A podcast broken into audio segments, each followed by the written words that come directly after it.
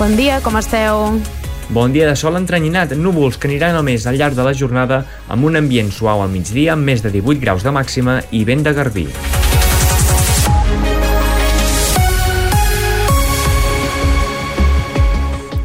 Bon dia, com esteu? Són les 8 del matí d'avui dimecres 21 de febrer de 2024.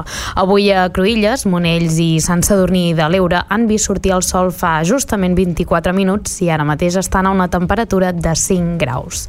Avui ens espera un estat de cel parcialment enteranyinat per núvols alts i mitjans al matí i a la segona meitat del dia la nuvolositat serà més compacta i abundant esperant aquest canvi de temps que, en principi, principi s'ha de produir a finals d'aquesta setmana. Jo sóc la Maria Alzina i això és el Supermatí, l'informatiu comarcal de Ràdio Capital, Ràdio Palafrugell i que també s'emet a Ràdio Bisbal. I ara entrem en matèria perquè hem de destacar que SOS Costa Brava i l'Ajuntament de Palafrugell pressionen perquè la Generalitat impulsi el Conservatori del Litoral. A més a més, també hem de destacar que 24 municipis de la comarca disposaran del servei d'oficines bancàries mòbils. Uh, també hem de destacar que Torroella i l'Estartit llancen un nou pla estratègic de turisme i, a més a més, hem de parlar de que Sant Feliu es prepara per celebrar la botiga al carrer els propers 24 i 25 de febrer pels carrers del centre del municipi. I a més a més de repassar tota l'actualitat eh, informativa de la comarca, avui parlarem amb la regidora de Participació Ciutadana de l'Ajuntament de Palamós, la senyora Núria Boteller, sobre uns processos de converses amb la ciutadania eh, per veure com s'està desenvolupant el municipi i veure si hi ha diverses propostes per millorar-lo. I com cada dimecres, també parlarem de bon menjar i bon beure amb la Laia i l'Eduard d'Humós un Glob. De seguida ho repassarem tot, abans, però, hem de saludar els periodistes que ens acompanyen com cada matí. Primer de tot, saludem a l'Oriol. Bon dia, Oriol. Hola, bon dia. També tenim en Ferran Castelló. Bon dia, Ferran. Bon dia. I també tenim en Sergi. Bon dia, Sergi. Què tal, Maria? Bon dia. I dit això, comencem el repàs de les principals notícies al Baix Empordà.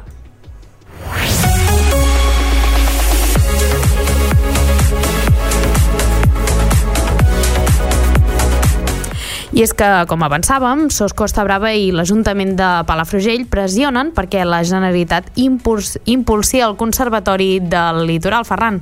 Es tracta d'una entitat pública que hauria de comprar terrenys al litoral per evitar que s'hi construeixi. Els ecologistes qualifiquen aquesta eina d'esperança i el consistori de Palafrugell està fins i tot disposat a posar-hi diners recaptats amb impostos locals. L'alcalde Juli Fernández i l'advocat de la Federació, Eduard de Ribot, en van debatre en un acte al Museu del Suru en què les dues parts, això sí, van mantenir posicions allunyades pel que fa a la concessió de llicències per construir. I 24 municipis del Baix Empordà disposaran del servei d'oficines bancàries mòbils, Oriol. Ho ha anunciat aquest dilluns Natàlia Mas, consellera d'Economia i Hisenda, en un comunicat en el qual també ha donat a conèixer que els serveis s'han adjudicat a dues entitats financeres, CaixaBank i Caixa d'Enginyers. I també hem de destacar que Torroella i l'Estartit llancen un nou pla estratègic de turisme, Mariona. L'objectiu és actualitzar i potenciar la destinació del municipi a través de 21 actuacions específiques repartides en els propers dos anys. Entre les prioritats del pla destaca la diversificació de l'oferta turística adaptant-la als diferents perfils de visitants i fomentant la creació d'experiències turístiques innovadores i sostenibles.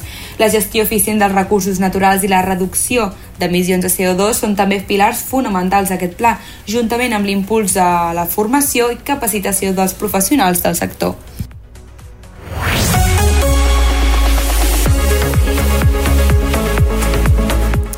I també hem de destacar que Sant Feliu de Guíxols es prepara per celebrar la botiga al carrer els pròxims 24 i 25 de febrer pel centre del municipi. Aquest cap de setmana una quarantena de comerços ompliran el centre del poble, alguns posant una parada davant la seva botiga i els que es troben als carrers més allunyats del centre comercial s'aplegaran al llarg de la Rambla Vidal. Per parlar-nos de l'edició d'enguany i la previsió de vendes al supermatí d'ahir ens ha visitat la presidenta de l'associació Guíxols Comerç i Turisme, Alexia Sánchez. Uh, és una activitat que tanca la temporada d'hivern i que vol donar a conèixer els comerços i promocionar tots els serveis que s'ofereixen al municipi. També és una mostra d'agraïment a la gent fidel a les botigues de proximitat, ja que fan una funció molt important a la ciutat. I la Diputació de Girona dona suport a la pagesia i demana a les institucions actuar davant la crisi del sector agrari. Paula. La Diputació de Girona ha aprovat una declaració institucional donant suport a la pagesia i reclama al govern de la Generalitat, al govern espanyol i a les institucions europees que adoptin mesures per frenar la crisi del sector agrari.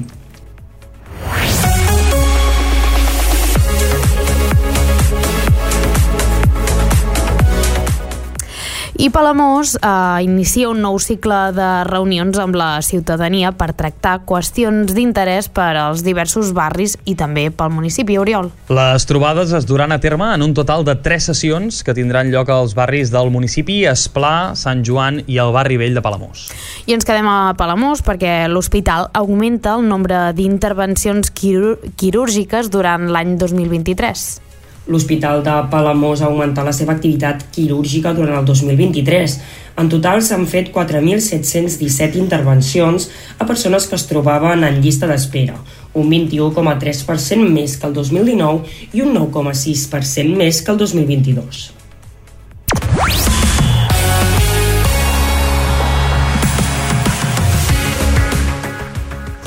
I en esports, avui hem de parlar d'una nova retirada de la tenista Paula Badosa. Sergi. Un nou revés redundant en l'argot tenístic de la Baix Empordanesa. Badosa es va haver de retirar una altra vegada i ja és el segon cop en cinc tornejos disputats aquesta temporada al 8 a 1000 de Dubai. La Bagorenca va decidir abandonar per problemes físics el seu partit de primera ronda davant de la suïssa Lulu Sun quan el marcador reflectia un 6 a 4 a favor de Sun. I el MIC Futbol 2024 incorpora quatre noves seus i es jugarà a 56 camps de les comarques gironines. Paula. El torneig internacional de futbol base MIC Futbol incorpora quatre noves seus i per primera vegada jugarà a 40 municipis de les comarques gironines. Breda, Salrà, Massanet de la Selva i Vilamalla són les principals novetats d'aquesta 22a edició del campionat que tindrà lloc entre el 27 i el 31 del proper mes de març.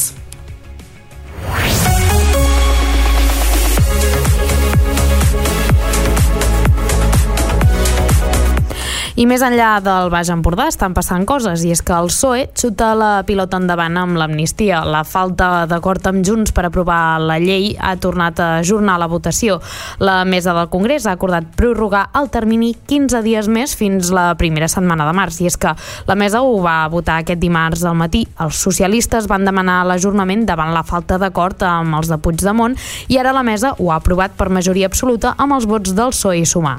La llei d'amnistia havia de sortir eh, del Congrés aquest dimecres, ara, però, hi ha una nova pròrroga per tancar el text amb el 7 de març com a data límit.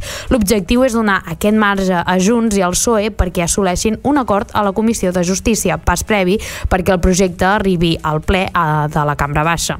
La vicepresidenta primera del govern espanyol, Maria Jesús Montero, s'ha mostrat confiada amb els grups que seran capaços d'assolir un acord per aprovar la llei. Ara bé, ha insistit en una entrevista a la cadena SER que el text va entrar entrar, uh, uh, va entrar constitucional al Congrés i n'ha de sortir de manera constitucional. Veurem com acaba evolucionant també doncs, l'entrada, si, si és que finalment entra uh, a debat. Uh, també hem de parlar dels pressupostos del 2024 per la Generalitat, que preveuen més de 1.000 milions d'euros per combatre la sequera. El president Pere Aragonès ha alertat a la ciutadania que si no plou aviat, els mesos vinents seran complicats per culpa de la sequera. Això malgrat les inversions que s'han fet i que estan previstes que es facin en un futur. El president ho ha dit en el ple monogràfic de sequera que s'ha fet aquest dimarts al Parlament, on govern i oposició s'han retret mútuament els retards a l'hora de fer les infraestructures vinculades amb l'aigua. Aragonès també ha aprofitat per redoblar la pressió als partits de l'oposició perquè aprovin els pressupostos. Ha anunciat que els nous comptes són més necessaris que mai perquè contemplen eh, en concret 1.045 milions d'euros en inversions inversions vinculades amb l'aigua. Inversions que ja estaven planificades però que cal pressupostar perquè no s'endarrereixin. Seran, segons ha concretat, per a infraestructures de regeneració i de salinització per millorar la xarxa d'abastament d'aigua, per millorar també els sistemes de rec i fer front a la sequera més important que, eh, malauradament, estem patint durant els darrers mesos. A més a més, també hem de destacar que els bombers han ordenat desallotjar un altre bloc del carrer Canigó de Badalona després que els veïns hagin alertat que hi, ha aparegut, que hi han aparegut esquerdes. És el mateix carrer on fa uns dies es va esfondrar un edifici deixant tres víctimes mortals i on la setmana passada van desallotjar també els residents d'un altre bloc eh, pel mateix problema. L'alcalde de, de Badalona, Xavier García Albiol, ha explicat al seu compte de Twitter que la decisió s'ha pres després que els tècnics municipals i els bombers hagin inspeccionat l'edifici aquest passat dimarts al matí. En aquests moments, segons ha explicat l'alcalde, es treballa per saber quina és l'afectació real. En total s'han desallotjat 18 famílies, de les quals 3 han necessitat que l'Ajuntament els busqui un allotjament temporal. Doncs veurem com acaba eh, tot això també a Badalona.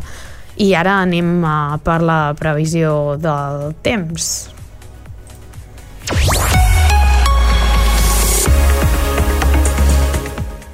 I, com sempre, ens la porta l'Albert Aparicio. Bon dia. Hola, bon dia. Amb quin temps arribem a l'equador de la setmana al Baix Empordà? Avui ens espera un estat de cel parcialment entrenyinat per núvols alts i mitjans aquest matí i la segona meitat del dia la nuvolositat serà més compacta i abundant.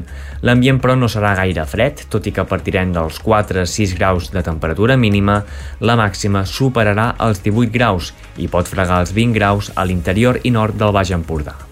I si ahir el vent era de component nord, avui passa a sud-sud-oest un vent de garbí que bufarà amb cops de força moderada aquesta tarda. Demà poques novetats amb un cel que estones continuarà entremig i força entrenyinat, majoritàriament pel pas de núvols de tipus alt. Per divendres sí que canviarà el temps, amb un descens de la temperatura marcat i increment de la inestabilitat que ens pot portar algun ruixat. Doncs veurem si finalment arriben aquests ruixats a final de setmana. Moltíssimes gràcies, Albert, per aquesta previsió meteorològica.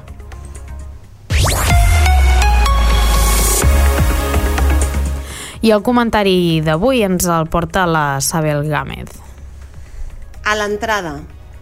Aquesta setmana passada i dins del cicle de Cinema Gaudí, Sant Feliu de Guíxols ha tingut l'oportunitat de gaudir de la projecció de la pel·lícula Up Entry, que no ha deixat indiferent a ningú dels que seguíem un diàleg verbal i no verbal entre els dos protagonistes, una parella, la Laia, interpretada per la Bruna Brusi, i el Diego, interpretat per l'Alberto Amant. Els dos protagonistes volen començar de nou en un nou país, però a l'entrada de Nova York, on han de fer escala, els hi espera un interrogatori, a vegades absurd, a vegades fora de lloc, que farà que cadascú es mostri tal qual és. I això potser hauria d'haver aflorat abans de voler volar junts. L'Empordà s'estrena cada dia i el teatre, les activitats i el cinema ens acompanyen amb noves oportunitats de gaudir a casa nostra del millor que es pot veure fora d'ella. El cicle de Cinema Gaudí és una d'aquestes oportunitats i no l'hem de deixar de, a l'entrada, sinó deixar-lo passar i poder compartir amb ell i amb cadascuna de les projeccions que ens us ofereix una gran vetllada. A Sant Feliu de Guíxols cada tercer divendres de cada mes. Us apunteu? Doncs veurem si els oients s'apunten i gaudeixen d'aquesta cultura que visita doncs, molts cops el Baix Empordà. Moltíssimes gràcies, Sabel Gámez, per el comentari.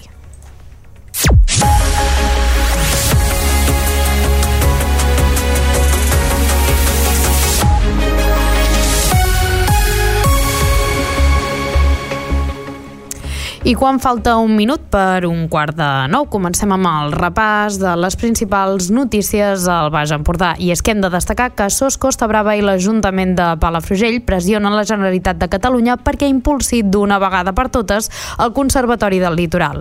Es tracta d'una entitat pública que hauria de comprar terrenys al litoral per evitar que s'hi construeixi. Els ecologistes qualifiquen aquesta eina d'esperança i el consistori de Palafrugell està, fins i tot, disposat a posar-hi diners recaptats amb impostos locals. L'alcalde, Juli Fernández, i l'advocat de la Federació, Eduard de Ribot, en van debatre en un acte al Museu del Suro en què les dues parts, això sí, van mantenir posicions allunyades pel que fa a la concessió de llicències per construir Ferran. De fet, la necessitat de crear el Conservatori del Litoral és un dels pocs consensos entre Ajuntament i ecologistes. El debat organitzat en el marc de l'exposició Costes Bravada al Museu del Suru va començar amb les dues parts exposant el seu posicionament sobre com protegir el litoral de noves construccions. Mentre Eduard de Ribot reclamava més valentia per desclassificar, Juli Fernández evitava comprometre-s'hi per no haver de pagar indemnitzacions enormes perquè la Costa Brava és el Titanic. Si el, els alcaldes no fan res per salvar-la, ens enfonsarem tots. I l'alcalde de Palafrugell té molt a dir aquí, com la resta d'alcaldes. Jo ara podia sortir com aquí, com, com, com un torero, dir, escolta, demà ho desclassificarem tot. Està molt bé dir, mm, desclassifiquem, però jo dic, jo el que puc prometre jo és adequarem paràmetres de creixement, cap més creixement nou de nova planificació i en alguns casos desclassificarem. Tots dos es van emplaçar a treballar plegats i van posar sobre la taula el paper del Conservatori del Litoral per protegir la costa. L'advocat ecologista va apuntar que inicialment podria comptar més de 15 milions d'euros. Per què no comencem a canviar les coses? Busquem a la Generalitat no perquè ens digui que no en aquell pla que vol fer el promotor, sinó anticipem-nos, diguem, volem preservar tot això, com ho fem? Pactem, amb la Generalitat el suport amb aquest conservatori del litoral que arribarà, amb unes previsions pressupostàries que seran importants, perquè el 50% de la, de la taxa turística amb dades antigues són més de 15 milions d'euros, podem començar, és un bon principi. L'alcalde de Palafrugell va explicar que ja ha proposat al director general d'Ordenació del Territori del Govern que els ajuntaments aportin diners a aquesta institució pública. L'Agustí Serra li ja comentat que nosaltres l'Ajuntament està disposat a aportar recursos al que fa aquest observatori litoral. Jo crec que aquest observatori, si realment es crea, que estan treballant i veiem a la llum, jo crec que s'ha de finançar també amb recursos municipals i els ajuntaments poden arribar a destinar una part del propicio que cobrem per intentar dotar d'aquests recursos més. Per tant, jo, jo no tinc cap dubte que el, no ho ha d'assumir tot la Generalitat. Evidentment ha d'assumir el lideratge perquè li pertoca, però els recursos poden sortir també dels ajuntaments que aportin. El debat va comptar amb Albert Lleusàs, expert del Departament de Geografia de la Universitat de Girona, que va criticar l'endarreriment del Conservatori del Litoral tot i les expectatives inicials.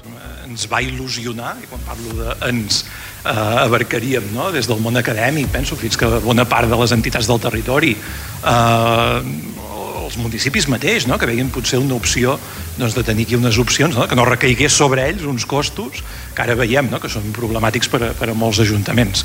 Uh, però com, com deia, no? com en el cas del paisatge estem veient com s'està redreçant uh, i com això evidentment doncs, inquieta. No? Durant el debat es va apuntar que el mes de març la Generalitat presentarà la seva proposta de configuració del Conservatori. I hem de destacar que 24 municipis del Baix Empordà disposaran del servei d'oficines bancàries mòbils. El servei eh, d'oficina bancària mòbil beneficiarà a la comarca en total una població de pràcticament eh, 13.000 persones. El servei d'oficines bancàries mòbils arribarà a 24 municipis del Baix Empordà.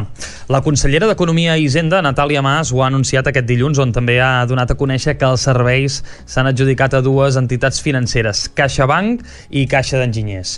La primera portarà l'atenció personalitzada a 503 municipis d'arreu de Catalunya, distribuïts en 41 comarques, i la segona a 313 municipis. Cal apuntar, a més, que a la vegueria de Girona l'atenció es portarà a un total de 118 municipis, entre els quals 24 són del Baix Empordà. En la roda de premsa que es va fer aquest passat dilluns, la consellera va assegurar que tenim un repte com a govern i com a país per garantir que qualsevol ciutadà o ciutadana pot viure una vida digna arreu del territori català i va destacar també que la iniciativa de portar oficines bancàries mòbils als municipis que no en tenen s'emmarca en el reequilibri territorial. Aquest repte de reequilibrar millor Catalunya, diu, cal assolir-lo treballant des de vessants molt diferents, amb millors serveis educatius, sanitaris, d'infraestructures físiques i digitals, política agrària, industrial o d'habitatge, va afirmar. Cal destacar que cada entitat haurà de ser una proposta de ruta que garanteixi la visita de l'oficina bancària mòbil un dia al mes a cada municipi. En el cas dels pobles de fins a 250 habitants, s'hi hauran d'estar un mínim de 30 minuts i els de més de 250 habitants no podran baixar de l'hora. Es preveu que les entitats eh, podran visitar entre 3 i 6 pobles per jornada laboral i que els municipis que queden coberts per les dues entitats, un total de 313, gaudiran de dos serveis de servei eh, mensual cadascun amb una entitat diferent. La iniciativa respon a la necessitat de retornar els serveis bancaris en poblacions catalanes que de manera progressiva han anat perdent les seves oficines bancàries. En 14 anys, Catalunya ha perdut un total de 5.961 oficines bancàries. Segons dades del Banc d'Espanya, ha passat de tenir 8.155 oficines al 2008 a 2.194 al 2022.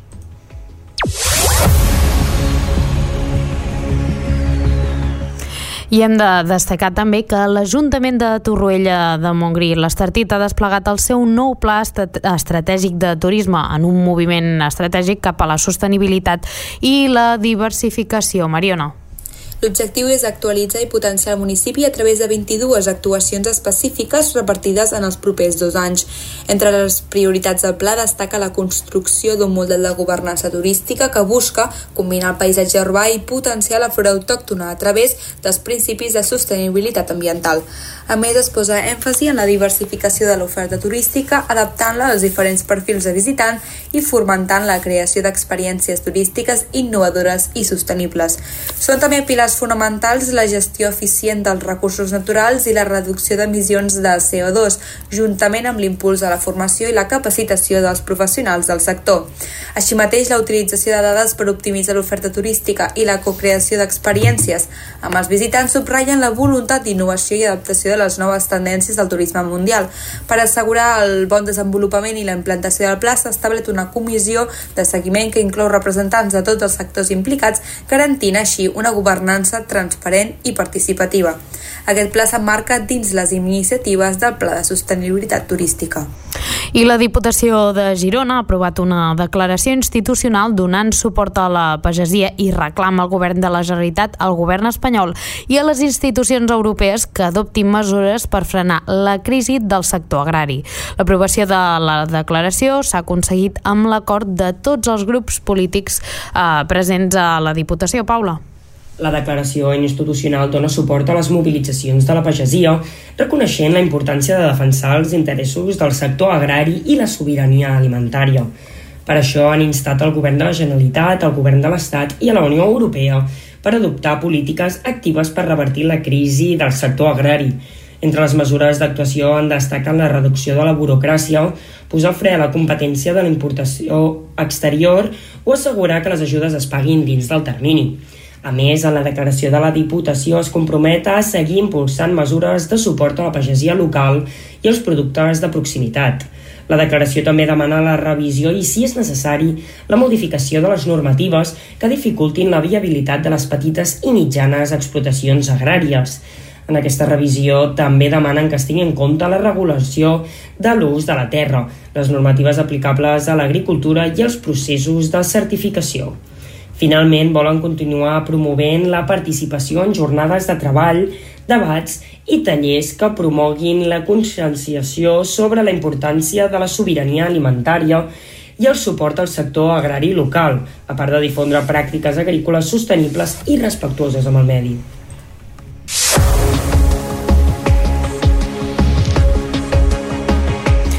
I Sant Feliu de Guíxols es prepara per celebrar la botiga al carrer els pròxims 24 i 25 de febrer pel centre del municipi.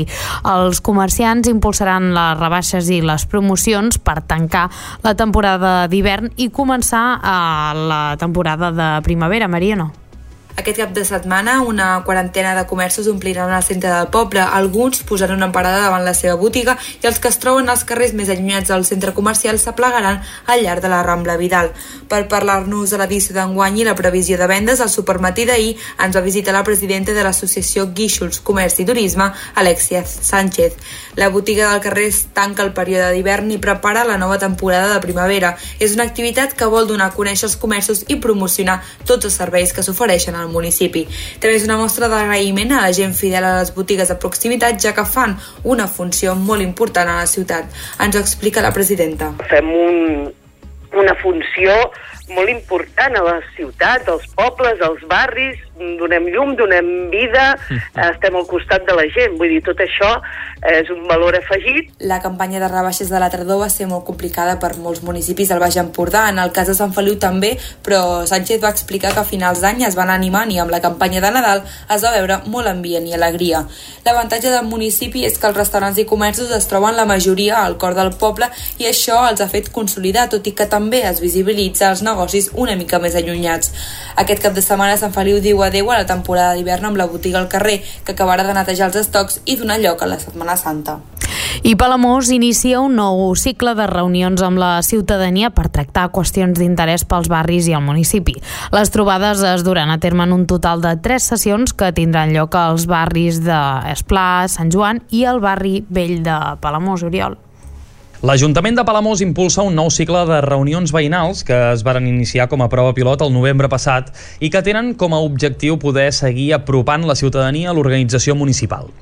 Les trobades es duran a terme a un total de tres sessions que tindran lloc als barris del municipi d'Esplà, Sant Joan i el barri vell de Palamós. Concretament, el dilluns 26 de febrer, l'àrea de participació ciutadana ha convocat a la ciutadania del barri d'Esplà a les 7 de la tarda al centre obert ubicat al costat del pavelló municipal d'esports. El dia següent, dimarts 27, serà el torn per als veïns i veïnes de Sant Joan i el dimecres 28 es tancarà el cicle parlant del barri vell de Palamós, celebrant la reunió a partir del 7 de la tarda a l'espai municipal polivalent de les Galeries Carme. Amb aquestes trobades es volen extreure conclusions de les reunions realitzades a final de l'any passat durant el primer cicle d'aquelles trobades. A més, eh, es volen plantejar noves iniciatives i propostes creant un canal de comunicació directa entre l'Ajuntament i la ciutadania, amb l'objectiu de poder parlar de qüestions referents tant dels barris que es visiten com del municipi en general. Durant aquestes trobades amb el veïnat es volen abordar temàtiques com la qualitat de vida per tal de poder parlar d'educació, formació, ocupació, cohesió i convivència, esports, cultura, infància, joventut o gent gran. També es debat sobre el territori i la sostenibilitat, posant damunt a la taula temàtiques referents als espais naturals, les infraestructures, la mobilitat, l'habitatge, els equipaments i l'espai públic, entre altres. Les reunions programades per la propera setmana estaran obertes a la participació de tothom i per prendre'n part només cal confirmar la presència mitjançant l'enviament d'un correu electrònic participació.ciutadana arroba palamós.cat o bé a través d'un WhatsApp al 696 176 424 indicant el nombre de persones que volen assistir-hi per poder incentivar la participació dels palamosins i les palamosines a aquestes reunions, l'Ajuntament ha adreçat de manera aleatòria cartes d'invitació entre les persones majors de 16 anys empadronades als barris que aquests dies són objecte de les reunions. I ens quedem a Palamós perquè l'hospital ha augmentat la seva activitat quirúrgica durant l'any 2023. En, do, en total s'han fet 4.717 intervencions a persones que es trobaven en llista d'espera, un 21,3% més que el 2019 i un 9,6% més que el 2022.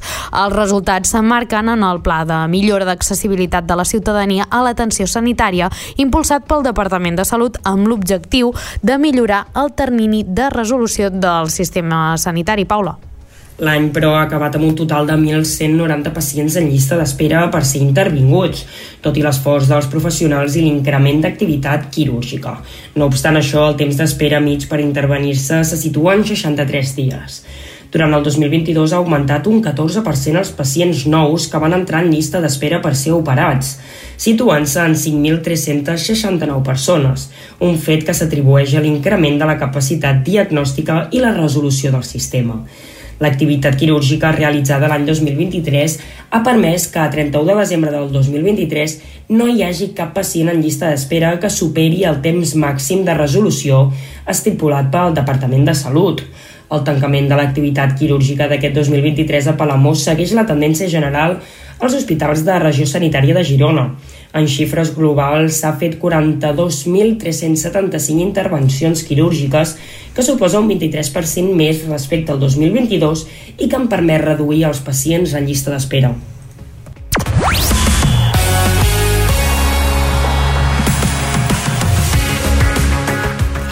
I en esports, avui hem de parlar d'una nova retirada de Paula Badosa, un nou revés redundant en l'argot tenístic de la Baix Empordanesa. I és que Badosa es va haver de retirar una altra vegada i ja és el segon cop en cinc tornejos disputats aquesta temporada al WTA 1000 de Dubai. La Begurenca va decidir abandonar per problemes físics el seu partit de primera ronda davant de la Suïssa, l'Ulusun, quan el marcador reflectia un 6 a 4 a favor de Sun. Sergi.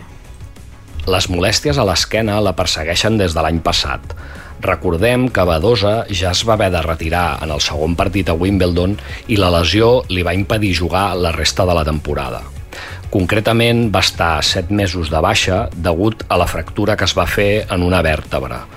La Baix Empordanesa va haver d'abandonar la seva participació a Tailàndia fa només 20 dies, també per complicacions físiques.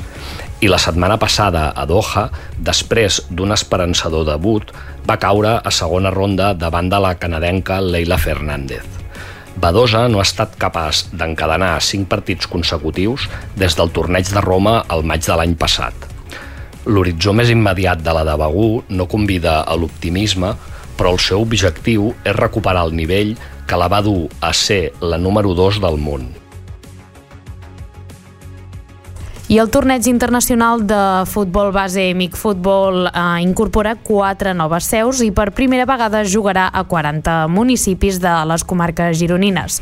Breda, Salrà, Massanet de la Selva i Vilamalla són les principals novetats d'aquesta 22a edició del campionat que tindrà lloc entre els dies 27 i 31 del proper mes de març. Els 412 equips participants i els més de 8.000 jugadors disputaran un total de 1.012 partits partits i ho faran en 56 camps repartits per tota la demarcació. Paula. Figueres tornarà a acollir la inauguració del campionat i les finals de les categories U12, U13 i U15 del dissabte. El desenllaç de la resta de categories es viurà a Palamós durant el cap de setmana. Banyoles serà el municipi encarregat d'acollir els partits del Premic Futbol, esdeveniment que servirà per escalfar motors de cares al MIC. Les novetats d'aquesta edició s'afegeixen a les localitats que repeteixen l'experiència viscuda anys anteriors. Al Baix Empordà, els municipis que participaran en aquesta edició seran Begú, Calonja i Sant Antoni, Castell, Platja d'Aro, la Bisbal de l'Empordà, Monells, Montràs, Palafrugell, Pals, Sant Feliu de Guíxols, Santa Cristina d'Aro i Torroella de Montgrí l'Escala. David Bellbé, president del MIC Futbol, destaca la satisfacció que suposa comptar amb quatre nous seus i declara que les comarques gironines es senten com a casa. Música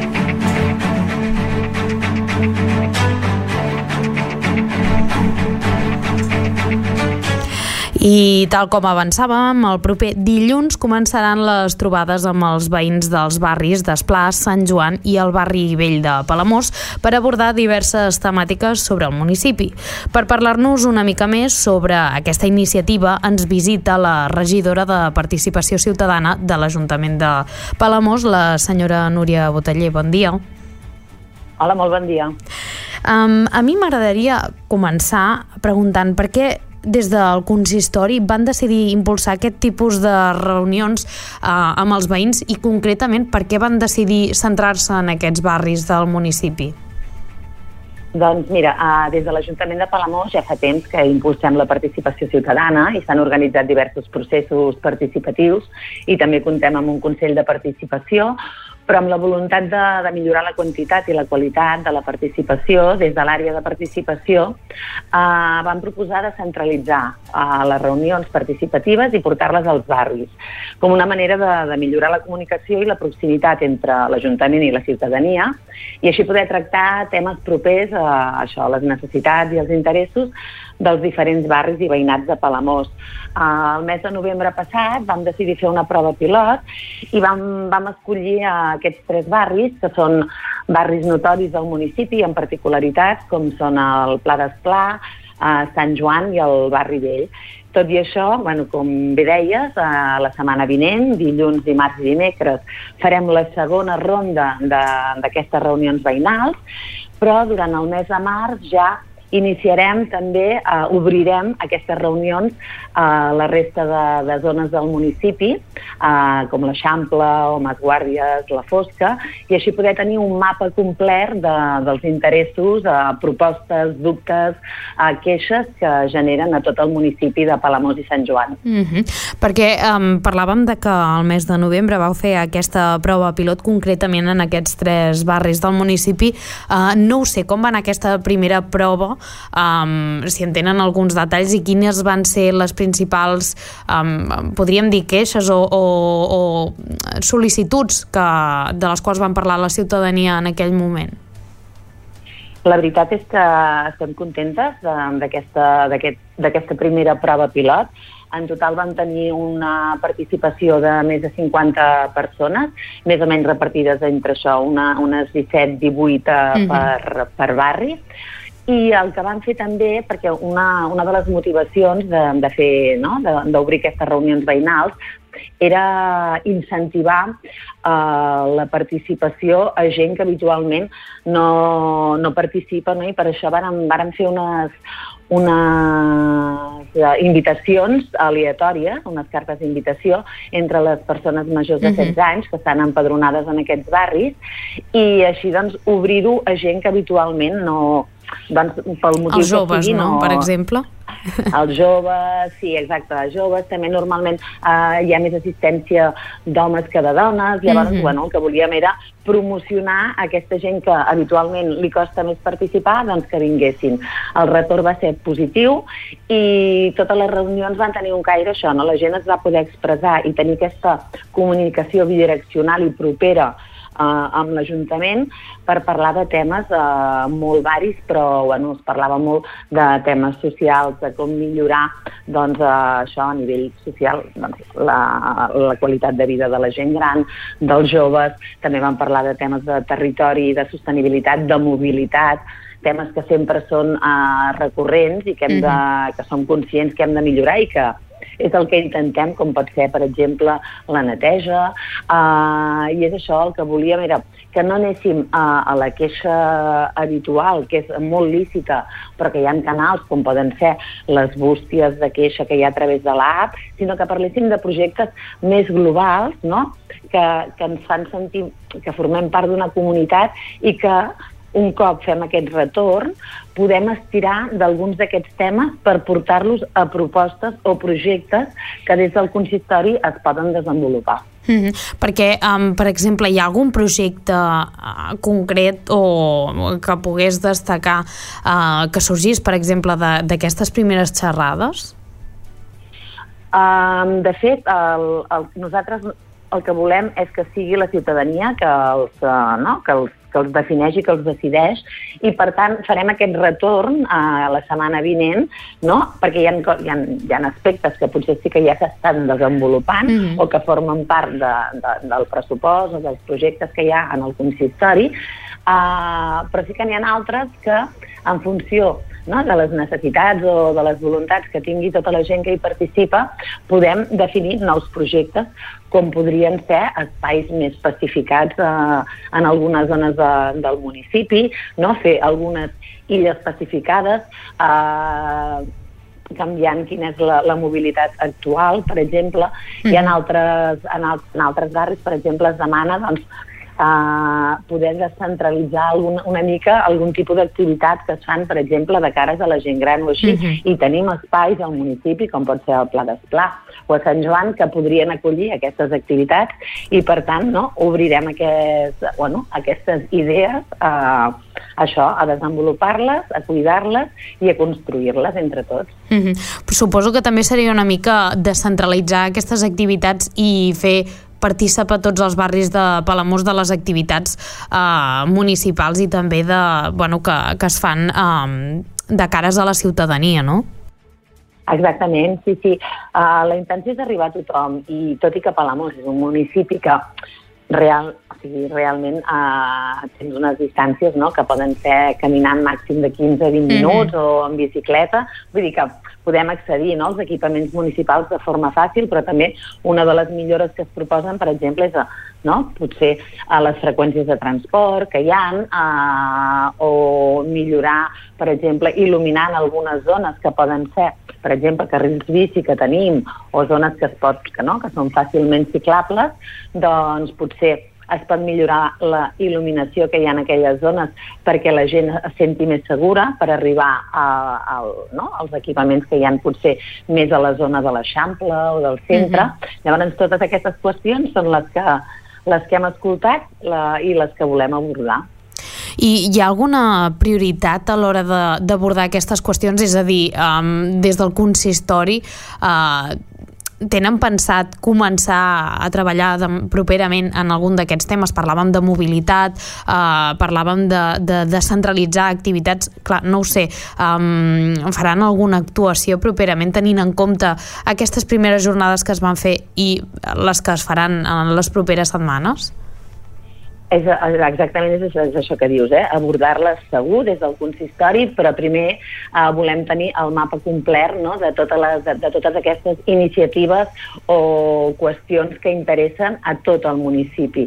Per tant, hem fet aquesta prova pilot, eh, la setmana vinent fem el retorn, dilluns amb el Pla d'Esplà, dimarts eh, al barri de Sant Joan i dimecres al barri vell, però no ens podem oblidar de la resta de zones de Palamós que, en la, que farem les reunions durant el mes de març i i quan tinguem al juny una mica tot el retorn és quan eh, abordarem els projectes que creiem que són més prioritaris per la, ciutadania, eh, per la ciutadania i que han sorgit d'aquestes reunions. Però sí, sí, evidentment volem encarar-les i en paral·lel, o sigui, hi ha temes que ja que ja s'estan treballant també del, des del consistori a nivell de mobilitat, eh, per exemple, hem de, hi ha una comissió de mobilitat, eh, es vol fer un informe, un, per, per tenir un pla estratègic també de mobilitat, eh, hi, ha altres, hi ha altres temes que també a nivell de pàrquings també s'està desenvolupant una nova, una nova proposta, per tant, tots aquest, bueno, és això, totes aquestes qüestions doncs, eh, es desenvoluparan i es tractaran,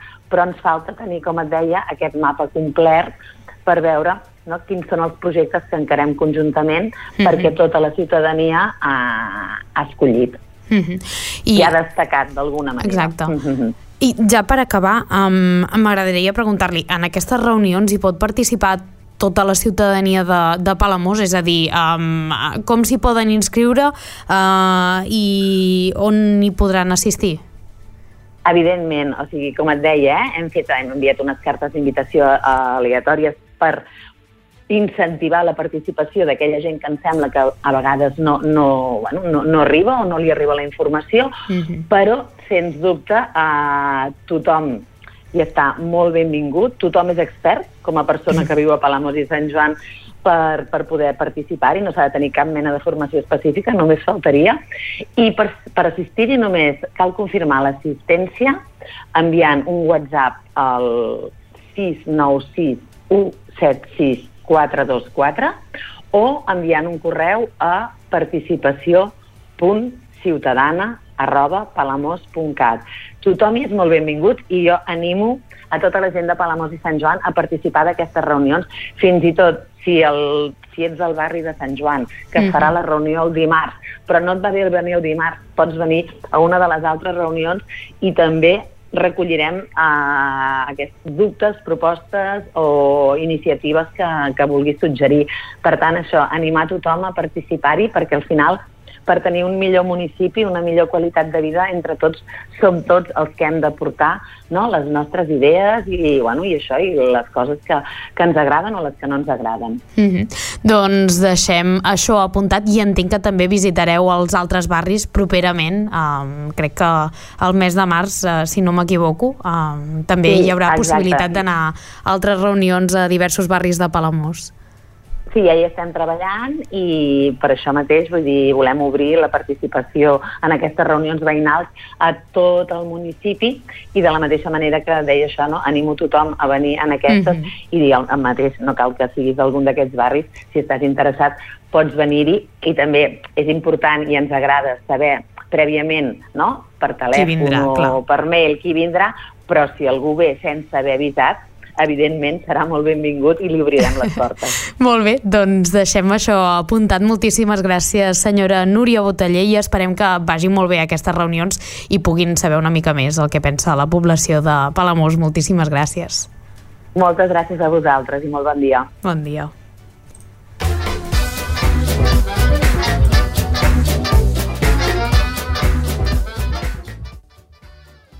Bon dia, doncs. Estem aquí amb la família Ferrer Pujolàs.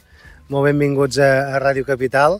Són una família, els tenim a tots tres, pare, la mare i la filla, que tenim aquí en Xavier, la Sílvia i l'Arlet. Molt benvinguts a, a Ràdio Capital. Ells són una família d'aquí Santa Cristina d'Aro i ens trobem ara eh, en un dels seus llocs eh, on hi passen més estones, podríem dir, que és a Closcalet, perquè el Closcalet és aquest es, espai fantàstic aquí eh, a la vall de Santa Cristina. I doncs que a més a més doncs, és el, el nom de, del seu projecte eh, personal i podríem dir quasi bé familiar, que és eh, aquest projecte doncs, vinícola. I estem eh, aquí per poder doncs, mostrar a tots els oients què, què, què hi feu i des de quan mm, tot això, per exemple, com van començar eh, els primers passos aquí a l'Escalet? Bueno, això és un... Uh, els meus pares uh, de sempre que havien fet... Uh, cuidaven aquesta vinya, feien vinya i feien horta aquí darrere, i quan els meus pares, el meu pare es va morir després la meva mare, doncs jo vaig intentar seguir amb la vi, fent un tipus de vi que el mateix que feien ells, però bueno, vam veure que, que volíem evolucionar una mica més i des de l'any passat que van demanar la col·laboració de la, de la Marta Arenas i eh, l'any passat van treure el primer vi amb la seva col·laboració.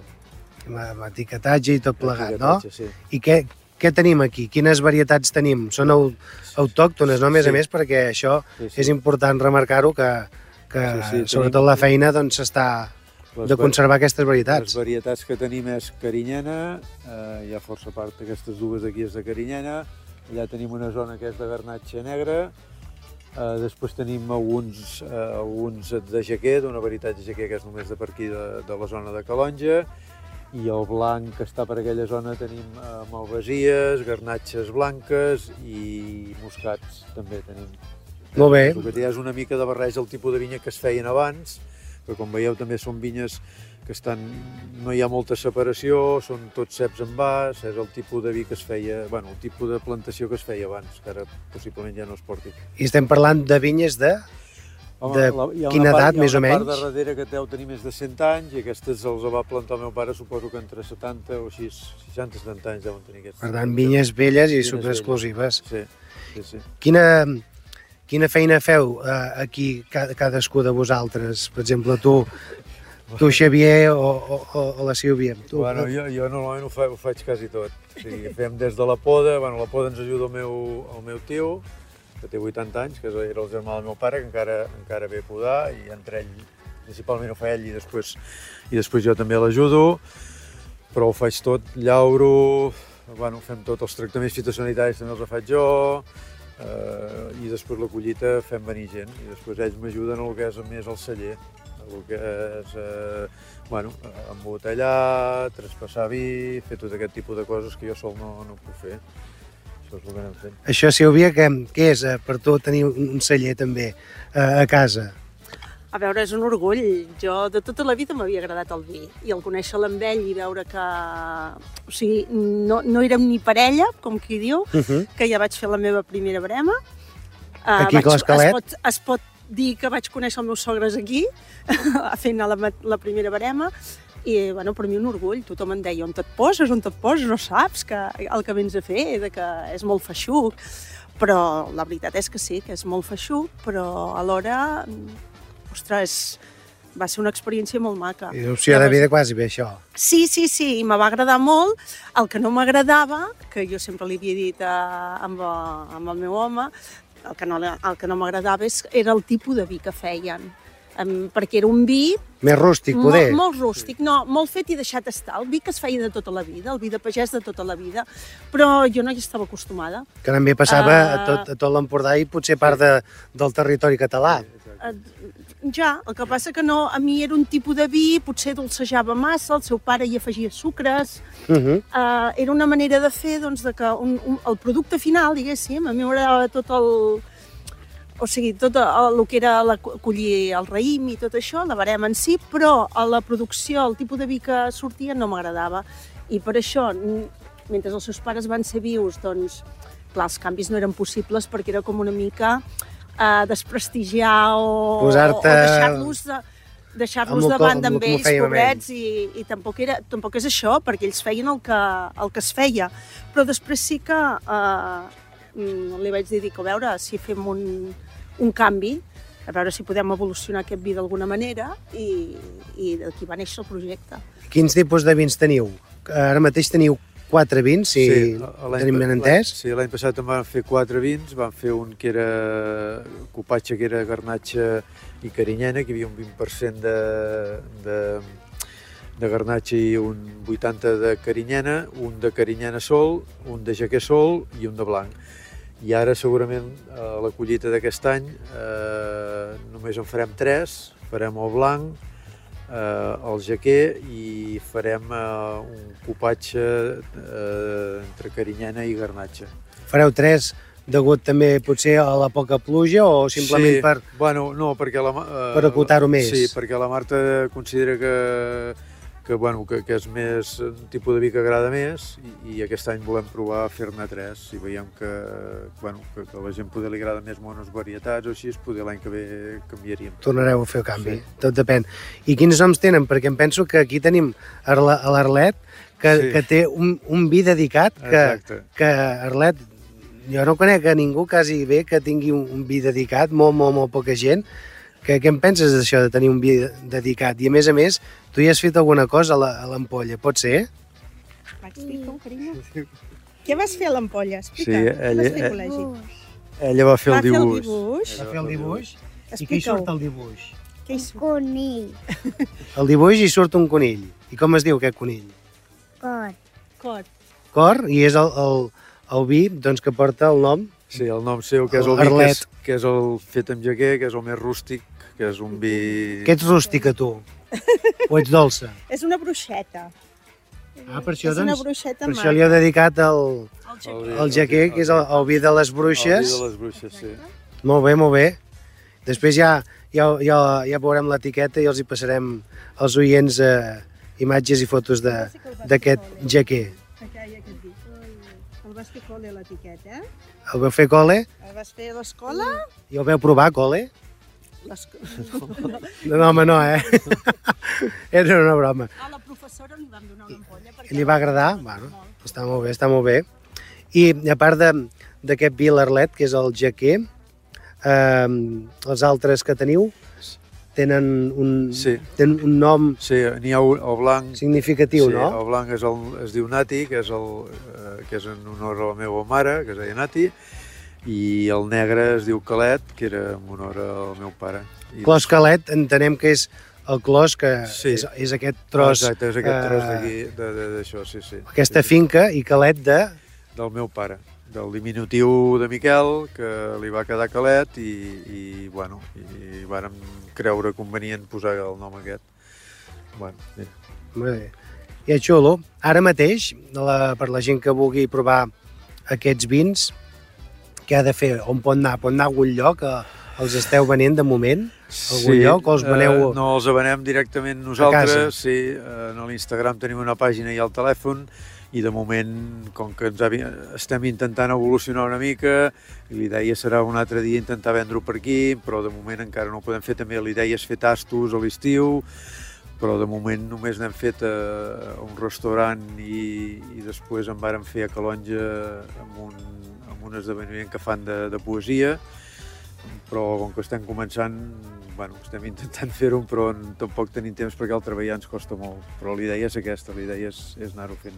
Perquè us dediqueu exclusivament a la, a la vinya? No, estem treballant, aquest és el problema. Estem O treballant... sigui, és el vostre hobby, però que, hobby ens que és un hobby que porta, temps. porta temps. Clar, Porta molt de temps i, i clar, les hores que hi podem dedicar doncs, són escases. Uh, quan ens jubilem... Queda poc? Home, no...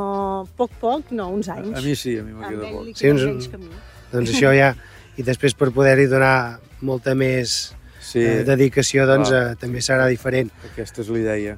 Aquí, a Santa Cristina, és un lloc que, que hi ha hagut tradicionalment vinya? Sí, bueno, vinyes, però eren vinyes eh, com a tots els municipis d'aquí, d'aquesta zona. Consum propi, s'entén. Eren, eren vinyes de consum propi. Aquesta, normalment eren totes les cases o masies tenien la seva part de vinya, com tenien l'hort, perquè per ser autosuficients. Aquí hi ha una zona encara que en tenen a, a Solius, que hi ha un que en fa, té una mica de vi, però és per consum propi, però per aquí que jo conegui ja no en queden, els han arrencat totes les que hi, hi havia. Per tant, sou dels pocs que, que, quedem que quedeu de moment. De moment aquí a Sant Agustina, sí. Anem a veure eh, el, el jaquer. Sí, Aviam si l'Arleta ens acompanyes a, a veure el, els ceps de, del, del teu vi. Aquests ceps estaven marcats per varietats perquè com que està tot barrejat a l'hora de fer la barema, els tenim marcats, eh, els tenim marcats per varietats per no equivocar-nos. Ara estem a, a... Aquesta és la zona més vella, que en queden molt pocs, però tot això, aquests són els més vells. I els jaquers són els que tenen els, els ferros, que fixa't que estan tots barrejats. Ara ja tocarà fer d'aquí poc la poda. Sí, ja han començat una part. Aquests són els de jaquer, eh? Aquests d'aquí són els jaquers. Veus aquests que tenen el que passa que estan barrejats, que és el que te comentava, com que eren vinyes davant, doncs quan faltava un cep li posaven al mig el que els hi semblava l'empaltaven i sí, endavant. Amb, amb la qual cosa pots trobar-te eh, ceps de diferents eh, varietats entremig, per això els, aquests els hem optat per, per marcar-les. Ara estem fent un plano per definir cada cep què és i la producció que té, eh, per, per ser més fàcil, però de moment ho hem de fer-ho així manual, bueno, una mica així rudimentari. I per la gent que eh, avui anant bé, quan ens, eh, a l'estar-nos escoltant, eh, què té el jaquer? Que, perquè la garnatxa anant bé la, molta gent la coneix, les, les característiques, característiques que té, però el jaquer, quines característiques ens pot donar?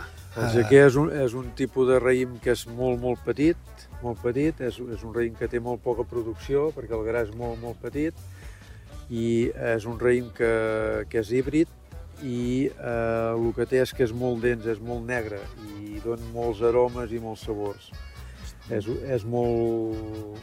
Com es diu? Hi ha molts tanins. Hi ha molts tanins. Hi ha molts tanins i molts tanins. És, és bastant és especial, astringent, és molt, és, és molt especial, és molt salvatge i per això li van posar el nom de la... No, no és que... el resultat, el nom de la Perfecte, nena, eh? perquè és, és, Sí, sí. Ja ho saps, eh? és salvatge. I produeix molt, molt poc, perquè és, és, bueno, ja t'ho dic, és molt, el gra és molt i molt petitet. És molt petitet. Aquest any el que hem intentat és fer amb doble fermentació, que ens ho va dir la Marta. L'any passat havíem fet una fermentació espontània i després una altra amb el raïmentera dintre, perquè diu que així, a veure si eh, aguanta molt més els, tot, tots els aromes i sabors que, que té. El que passa que en tinc molt poc, vull dir, estem fent al voltant de 150 ampolles, eh? Vull dir, no, no, no tenim més. Va, eh, és exclusiu i en aquest sentit doncs s'ha de provar i avui Bueno, doncs Igual que la producció també en total estem parlant d'unes entre 2.000 i 2.500 ampolles. Entre els tres vins. Entre els tres vins. D'unes n'hi ha 2.000 molt. ampolles. I del blanc també només podem, estem sobre els quatre, entre, depèn de l'any, al voltant de 300 o 400 ampolles, i els altres sí, hi ha cap a 1.500 ampolles, més o menys. Però vull dir, és el que hi ha, no, no, no comprem raïm, vull dir, és el que surt d'aquí. Perfecte, doncs eh, us animem a tots els que ens esteu escoltant conèixer aquest nou, aquest nou celler, petit celler de la família Ferrer Pujolàs, amb aquests tres vins que avui ens, ens despedim eh, amb la recomanació d'aquests tres vins, el Nati, el Calet I la, i l'Arlet. D'acord? Que vagi molt bé, ja mirarem aquesta etiqueta tan xula que has fet i salut i, i amb un closcalet. Moltes gràcies. Que vagi molt bé. Molta salut per l'any. Moltes gràcies. Moltes gràcies. Adéu, adéu.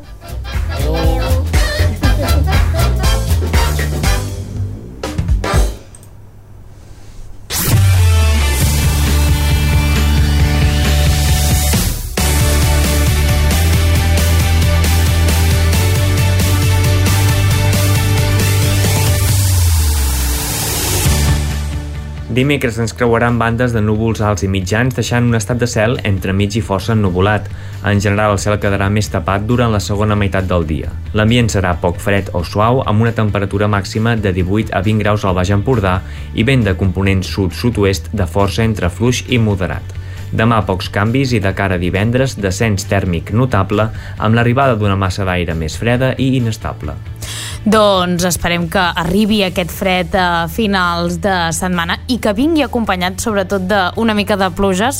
Uh, esperem que així sigui, ho anirem uh, veient uh, nosaltres al Supermatí, l'informatiu comarcal que fem de manera conjunta Ràdio Capital i Ràdio Palafrugell i que també s'emet a Ràdio Bisbal. Nosaltres us donem les gràcies per escoltar-nos com cada matí uh, en aquestes cadenes i esperem que acabeu de passar un molt bon dia i ens tornem a retrobar com cada matí a les 8. Moltíssimes gràcies per escoltar-nos. Ens tornem a retrobar demà. Adeu, adeu.